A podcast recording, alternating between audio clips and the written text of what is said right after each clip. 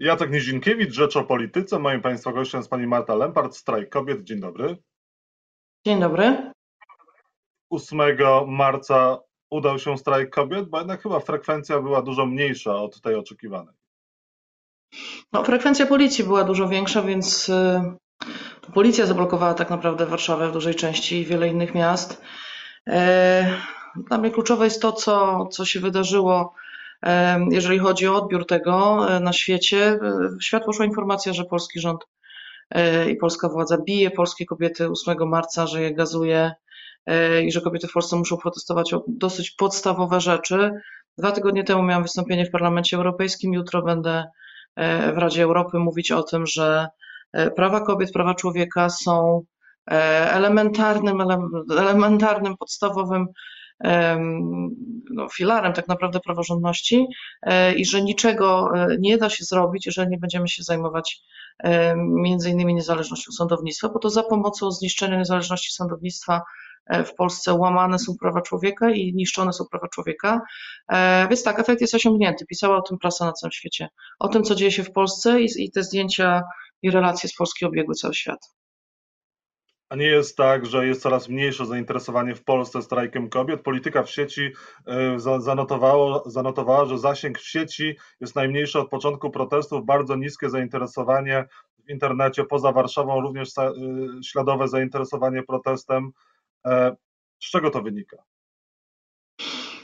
Rozumiem, że mierzymy to zasięgami polityki w sieci, a nie tym, że kolejne osoby w najważniejszych instytucjach na świecie martwią się tym, co się dzieje z Polską, robią na ten temat debaty, zapraszają nas, żebyśmy o tym opowiadały, e, że ja odbywam kolejne wizyty w kolejnych ambasadach, żeby mówić o tym, e, jak podły jest polski rząd. Ja, ja mierzę to tym, ja mierzę to zainteresowaniem wreszcie tych instytucji, które były, powinny były reagować już bardzo dawno temu, bo gdyby one reagowały, gdyby reagowała Komisja Europejska wcześniej, gdyby w Euro, Parlament Europejski, europarlamentarzyści nie udawali, że sprawa aborcji to jest tylko sprawa praw kobiet, a nie tak jak w Polsce e, sprawa niezależności sądownictwa, co widzimy na przykładzie pani Przyłębskiej, e, to wszystko by się nie działo.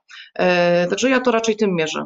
Raczej tym, że udało nam się przebić bańkę mówienia o tym, że to nie jest tylko kwestia aborcji, to nie jest tylko kwestia praw kobiet i nawet to nie jest tylko kwestia praw człowieka, tylko tego, że w Polsce zniszczona jest demokracja, zniszczone jest niezależność sądownictwa i za chwilę następna rzecz się powtórzy, bo ta kolejna, kolejne spotkanie, które będę miała e, w Radzie Europy będzie dotyczyło konwencji stambulskiej, czyli konwencji antyprzemocowej, którą Polska, polski rząd chce wypowiedzieć, oczywiście nie przez parlament, tylko rękami pani magister Przyłębskiej przez nielegalnie powołany e, Trybunał Konstytucyjny i o tym będziemy rozmawiać. To jest dla mnie ważne, a nie statystyki dotyczące tego, jakie jest zainteresowane sieci. Ważne jest zainteresowanie tych, którzy powinni byli nam już dawno pomóc i teraz wreszcie z opóźnieniem się budzą i reagują na to, co się dzieje. E, tym bardziej w kontekście, że na nasze państwo, no wiadomo, nie możemy liczyć w żadnej sprawie. E, cieszę się bardzo, że e, już wszędzie w Europie dociera ta informacja o tym, że polski rząd, który jest, no wiadomo, niekompetentny, nie jest w stanie sobie poradzić z elementarnym rządzeniem państwem, nie jest w stanie sobie poradzić z pandemią, kawałek po kawałku niszczy nie tylko prawa człowieka, ale też niezależność mediów i tak dalej. To jest nasza praca, to jest to, co robimy. Czego pani spodziewa się po tych międzynarodowych instytucjach? Jakiej reakcji? Bo dotychczas ta reakcja była dosyć nieznaczna. Tak, spodziewam się przede wszystkim tego, że Komisja Europejska przestanie udawać, że Polski Trybunał Konstytucyjny jest legalnie e, osadzony, e, bo nie jest. E, spodziewam się, że europarlamentarzyści przestaną sobie zrobić zdjęcia z hashtagami i współczuć smutno i wygłaszać różne przemówienia emocjonalne dotyczące losu polskich kobiet. Spodziewam się sankcji, spodziewam się wdrożenia natychmiast reguły powiązania praworządności z budżetem i o tym rozmawiam z kolejnymi urzędnikami, z kolejnymi reprezentantami instytucji. Ostatnio z panem ministrem ministrem do spraw europejskich e, francuskim podczas wizyty w ambasadzie. To jest ten sam, którego nie wpuszczono, e, uniemożliwiono mu wizytę w Kraśniku, czyli w strefie wolnej e, od LGBT. O tym, że żądamy, żeby natychmiast, natychmiast wdrożyć regułę praworządności, powiązania praworządności z budżetem, bo ja nie przyjmuję do wiadomości tego, że być może Polska złoży jakąś skargę do Europejskiego Trybunału Sprawiedliwości, być może Europejski Trybunał Sprawiedliwości uwzględni również wniosek o e, tymczasowe zabezpieczenie i e, uniemożliwi używanie tej reguły. Nie ma żadnych przeszkód, żeby Komisja Europejska już w tym momencie karała Polskę za to, co się w Polsce dzieje. To jest mój cel, to jest nasz cel i to będziemy robić na tej arenie międzynarodowej. Protestujemy tutaj, żeby pokazać, że walczymy, protestujemy po to, żeby te obrazki szły w świat żeby było widać, że my stawiamy opór, bo te elementy zawsze muszą y, iść równolegle. Muszą iść równolegle protesty i to, że ludzie się buntują i stawiają opór i że bardzo dużo rzucają na szale swoje zdrowie, swoje życie, swoje kariery i jednocześnie musi iść ten, ta praca w instytucjach europejskich. Tak samo było przecież, jeżeli chodzi o sądy i to samo my musimy teraz robić. Jakie sankcje, jakie kary powinny w takim razie zostać nałożone na Polskę? Czego pani by się spodziewała? Znaczy, mamy tutaj, to są dwa kierunki. Po pierwsze jest reguła praworządności, czyli e, no, w związku z tym, że polski rząd absolutnie nie przestrzega e, zasad e, niezależności sądownictwa, czy też w ogóle trójpodziału władzy. Tutaj mówimy o sankcjach finansowych, natomiast no, kluczowy jest też fundusz odbudowy, czyli te pieniądze, które mają być dzielone, które już PiS wiadomo, że chcemy, chce użyć jako swój fundusz wyborczy, chce podzielić go tak jak dzieli inne pieniądze, czyli wyłącznie e, przydzielić go swoim znajomym, e, ludziom wspierającym PiS, samorządom, które wspierają PiS, czy też w których rządzi PiS, to się nie może wydarzyć, więc tego też oczekujemy, że zasada podziału tych pieniędzy będzie taka, że polski rząd nie będzie mógł ich ukraść i dać kolegom, tak jak to zrobili pan Szumowski, pan Morawiecki, pan Duda i tak dalej. A czy opozycja powinna według Pani głosować za przyjęciem, za ratyfikacją Unijnego Funduszu Odbudowy? Absolutnie nie. Absolutnie Dlaczego? nie. W tej postaci opozycja nie powinna iść na rękę rządowi w żadnej sprawie, dlatego że rząd nie ma większości w Sejmie. I pomaganie mu teraz, kiedy nie ma większości, to, jest, to oznacza, że opozycja niczego się jeszcze nie nauczyła. Pomaganie e, rząd, koalicji rządzącej, która nie istnieje, która nie ma większości. Nie mają większości. I dlatego błagają Czyli co, opo opozycja powinna robić wszystko, żeby e, doprowadzić do przyspieszonych wyborów? Nie pomagać PiSowi i niech ta Zjednoczona Prawica się skłóca? E, opozycja nie ma prawa pomagać PiSowi w żadnej sprawie. Opozycja nie może zostawiać nas na ulicy, e, nie może robić takich dealów i nie może się dać zastraszyć. Ja pamiętam, jak była cała dyskusja dotycząca właśnie reguły praworządności, kiedy wszyscy byli tak bardzo przestraszeni, co się stanie, e, jeżeli rzeczywiście ta reguła praworządności, jeżeli będziemy w ogóle za regułą praworządności, jeżeli opozycja będzie za regułą praworządności. I co się okazało? Zrobione było badanie, ludzie są wściekli, na Unię, że jest tak miękka. Ludzie są wściekli, e, że ta reguła została zmiękczona troszeczkę, e, że tam zaraz od razu się pojawiło takie tam, że najpierw pójdziemy do, do Europejskiego Trybunału Sprawiedliwości, potem się zobaczy. Ludzie o to byli wściekli, nie o to, że Unia grozi nam, że zabierze nam pieniądze, tylko że jest za miękka. I teraz opozycja znowu się daje na to nabierać, że ktoś się obrazi, e, że obywatele uznają, że to jest jednak za dużo. Nikt się nie obrazi. Wszyscy oczekują tego, żeby wreszcie ktoś z tymi panami zrobił porządek. No dobrze, ale ten fundusz odbudowy to przecież to są pieniądze nie dla PiSu, nie dla rządu, tylko dla Polaków. To są unijne pieniądze, które mają no zostać tak przyznane. to są pieniądze dla PiSu. Zrobili to zresztą w sposób absolutnie bezczelny, ponieważ wysłali swoją propozycję programu e, tydzień przed tym, jak e, dali ją w konsultacji. I teraz kłamią, że ją konsultują. Niczego nie konsultują, wysłali to już dawno. To są pieniądze, które PiS będzie dzielił po uważaniu, tak jak poprzednie środki, e, i będzie zasilał nimi wyłącznie miejsca, które sobie wybierze uznaniowo całkowicie e, i zrobi sobie z tego fundusz wyborczy. Do tego nie może dojść. W sytuacji, zwłaszcza kiedy rozumiem, że pan, pan Niedzielski właśnie ogłosił, że odwołuje wszystkie, że, że mają być odwoływane wszystkie e, operacje planowe, czyli po prostu ludzie, którzy mają na przykład tętniaka umrą. I te pieniądze nie trafią no dobrze, ale... zdrowia, te pieniądze nie trafią na ale to, żeby opozycja... były te operacje tylko trafią do y, samorządów takich właśnie jak Pcim i będą hodowani następnie Obajtkowie. Jeżeli ten fundusz odbudowy zostanie przyjęty i znowu się wszyscy ugną, ugnie się znowu opozycja, ugnie się znowu Unia Europejska i złodzieje z PiSu znowu zrobią z tym pieniędzmi co chcą, to się nie może stać. Nie, ma, nie można się bać tego, że mówimy, że to są złodzieje, że jeżeli nie będzie zabezpieczeń, to oni to ukradną. Nie można się tego bać. No, trzeba się nauczyć tej odwagi wreszcie po tych pięciu latach, żeby mówić tak, oni kradną, w związku z tym z tych zabezpieczeń musi być bardzo dużo, bo jeżeli będą mieli jak naj, najmniejszą szansę, to ukradną te wszystkie pieniądze. Nie przeznaczą ich na to, na co one powinny iść. Trzeba mówić Dobrze, o tym, ale nie no, o, w normalnych czasach. Część opozycji już e, potwierdziła, że zagłosuje za ratyfikacją unijnego funduszu, między innymi PSL. Jeżeli Platforma również, e, Koalicja no Obywatelska zagłosuje za opozycji to czy o PSL-u? Ale to mówimy czy o opozycji czy o PSL-u? Jeżeli, jeżeli Lewica i Koalicja Obywatelska zagłosują za funduszem, to co? To będziemy wściekli, ja będę wściekła. To jest tchórzostwo, to jest krótkowzroczność, to jest coś, co ciągle nas załatwia w, w sporze z PiSem. Oni są bardziej bezwzględni, nie mają żadnych skrupułów, e, są konsekwentni, a, a tu po stronie opozycji bardzo często mamy taką demokrację sondażową, oni się właśnie boją, że ludzie się zdenerwują, że coś się komuś nie spodoba. Gdzie tu jest Polska w tym? Gdzie tu są nasze interesy? Gdzie tu jest dbałość?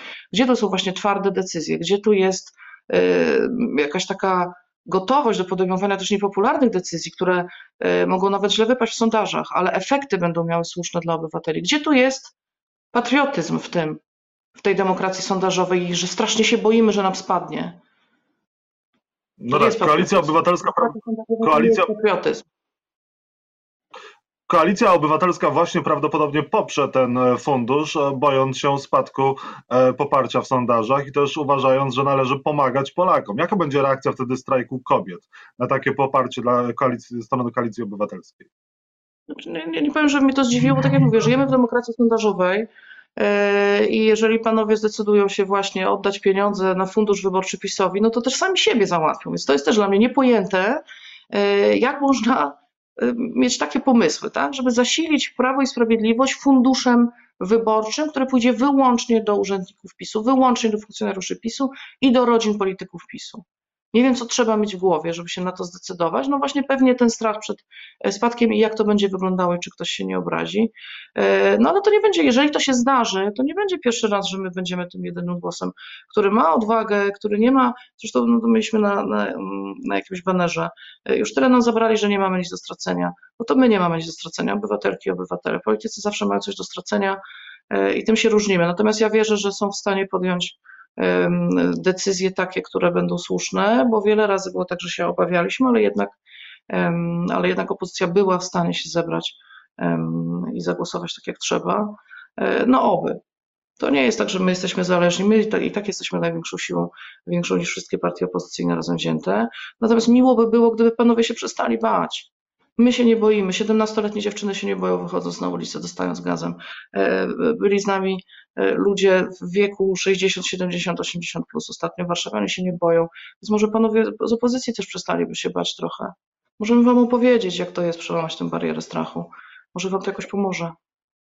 Jeżeli chodzi o mm, decyzję rządu, decyzję Prawa i Sprawiedliwości, to Bartłomiej Wróblewski ma być kandydatem na, no, na nowego rzecznika praw obywatelskich. Jak pani ocenia tą kandydaturę, która ma zostać zgłoszona przez Zjednoczoną Prawicę? No ja uważam, że taki trolling się zawsze pojawia, kiedy jest bardzo, mm, coś bardzo złego ma się wydarzyć. Tak jak mówię, e, właśnie poszła informacja z Ministerstwa Zdrowia, że odwoływane mają być wszystkie planowane, planowe operacje, co oznacza, że ludzie, a planowe operacje robi się nie tylko dlatego, że kogoś coś boli, ale dlatego, że ktoś bez tej operacji umrze co oznacza, że rząd skazuje nas na śmierć i wrzuca nam właśnie takiego pana Wróblewskiego i różne inne trollingi. Więc trzeba mówić o tym, że to są mordercy, którzy chcą odwrócić naszą uwagę od tego, co się będzie działo, bo ta informacja z Ministerstwa Zdrowia to jest coś, co powinno być teraz najważniejszym tematem wszędzie, bo to oznacza, że ochrona zdrowia jako taka się poddała e, i że ludzie będą umierać teraz na wszystko, bo tak jak mówię, operacje planowe nie są e, tak po prostu, one są po to, w przypadku tętniaka wielu różnych innych chorób, po to, żeby ktoś nie umarł, żeby ludzie nie umierali. I te operacje nie będą się odbywały ludzie będą umierać. Pan Wróblewski może sobie być kandydatem, e, no to zależy zresztą od tego, co się wydarzy w Senacie. E, ja wiem, że tam no, ta przewaga głosów jest niewielka, no ale na przykład wierzę w, Jana Filipa Lewickiego, z którym się, nie wiem, czy mogliśmy się bardziej różnić, ale znamy się od dawna, pracowaliśmy razem w tej wspólnej naszej branży, jaką, jest, jaką są prawa osób z niepełnosprawnościami i nie wierzę w to, że on wyda e, nas, obywatelki, obywateli na e, pastwę władzy, która nas nienawidzi, która właśnie podejmuje takie decyzje, jakie podjął, e, jaką podjął pan Niedzielski, jaką podjął rząd, o tym, że ochrona zdrowia przestanie udzielać podstawowych świadczeń i będą umierać. Nie wiem, co do pani senator Staroń, natomiast Filipa Libickiego wierzę i wierzę w pozostałych senatorów, że to się roz, to będzie kolejna taka bańka, która nie będzie miała większego znaczenia, że, że zagłosują tak jak trzeba, E, natomiast jednak wolałabym się bardziej skupiać na tym, że wystawienie takiej kandydatury, tego rodzaju trolling jest sygnałem, że dzieje się coś bardzo złego i że coś bardzo złego za chwilę się wydarzy, bo to zawsze Mm, to zawsze tak wygląda.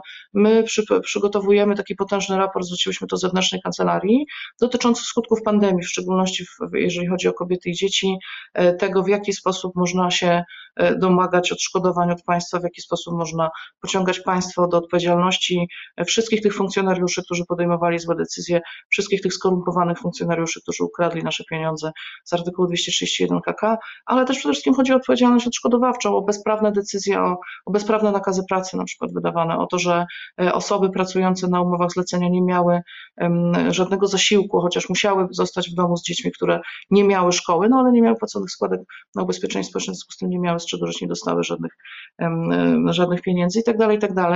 E, będziemy to przygotowywać, znaczy to już przygotowujemy i będziemy wspierać wszystkie osoby, które będą chciały iść przeciwko państwu, państwu polskiemu do sądu, tak żeby ci, którzy podjęli te wszystkie decyzje i odpowiedzieli, i, i którzy za to odpowiadają, odpowiedzieli za to e, najpierw odszkodowawczo, a potem już przed sądem karnym. To się będzie działo e, i to jest to, czym się trzeba teraz zajmować. To jest potężna praca, potrwa to przynajmniej dwa miesiące, ale my to zrobimy.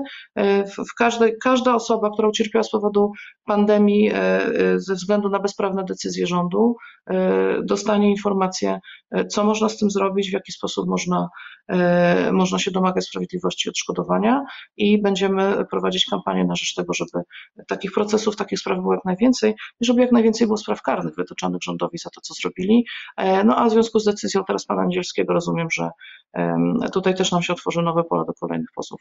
I proszę bardzo, tak trzeba robić, bo e, widać, że państwo przestało działać i że musimy sobie budować systemy obok. Mamy system obok zapewniający aborcję, mamy system obok edukacji, mamy system obok usług społecznych, mamy system obok wspierania osób z niepełnosprawnościami, bo nic nie działa, bo to państwo nie działa, ale nie możemy sobie zbudować systemu ochrony zdrowia obok. Jak, jak bardzo byśmy chciały i jak bardzo byśmy byli solidarni i jak bardzo byśmy byli w stanie robić zrzutki w internecie, tego nie jesteśmy w stanie zrobić i za to trzeba ich pociągnąć do odpowiedzialności. Bo to, że budujemy sobie kolejne państewka obok tego właściwego państwa, które nas absolutnie zostawiło, opuściło, ma nas kompletnie w nosie, e, no to to jest fakt, to jest tak jak za, za PRL-u. Jest państwo kontra my, państwo jest wrogiem, my jesteśmy wrogami państwa, obywatele się tutaj najmniej liczą i budujemy sobie te systemy wsparcia, budujemy sobie te sieci solidarnościowe, bo nie mamy wyjścia, bo musimy przetrwać. Natomiast jeżeli chodzi o ochronę zdrowia i o to, co dzieje się z pandemią, to nawet sieć Solidarności nie pomoże. Nie przetrwamy i wielu osób umrze. I my tutaj musimy postawić kropkę do tematu, będziemy wracać. Marta Lempart, Strajk Kobiet była Państwa i moim gościem. Dziękuję za rozmowę.